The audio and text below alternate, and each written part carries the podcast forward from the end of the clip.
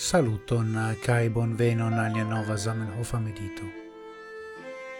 Hodiaŭ mi volas legi kai mediti kun vi sur El Tiro. El gazeta articolo la Esperantisto 1995, kiu trovigas je pagio ducent kvar.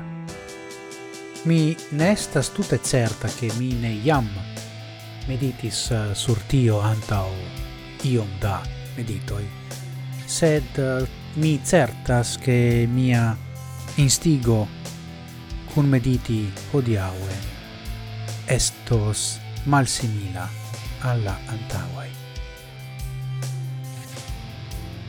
Quelcae amicoi ec recte scribis che la sia tempa pero de Hamleto estis uno e la plei cefai causoi, cial la dangera e confusoi cae disputoi de la pasinta iaro, tiel pace finigis, prescau tute sen poste signo, cae revecis cie novan energion.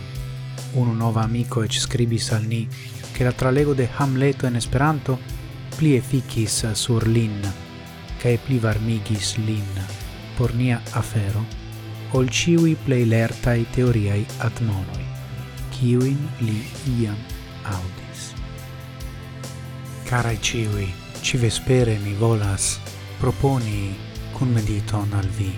Ciu iu classicajo esperantigita influis vian convincon pri la taugezzo de Esperanto kiel lingvo internazia.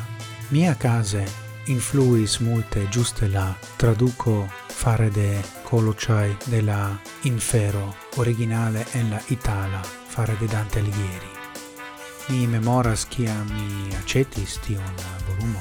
Mi estis fresh freŝbakita esperantisto Kai mi somerumis en Tuscanio, kiel mi duon laboris kiel shine monaco mane scribanta pergameno in alla turistoi per malnovstila calligrafio.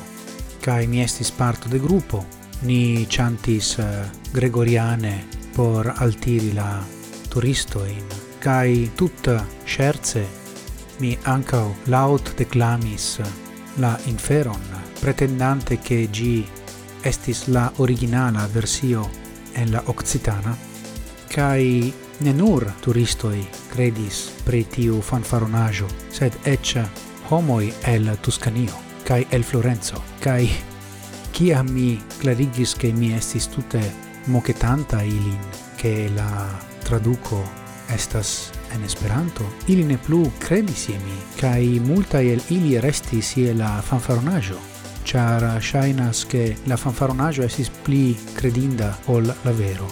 Nu, mi ne scias bone kial mi rakontis tion al vi, sed laŭ mia viv historio tio estis la pruvo ke Esperanto vere taŭgas kiel lingvo por alt nivele traduki lasikaĵojn.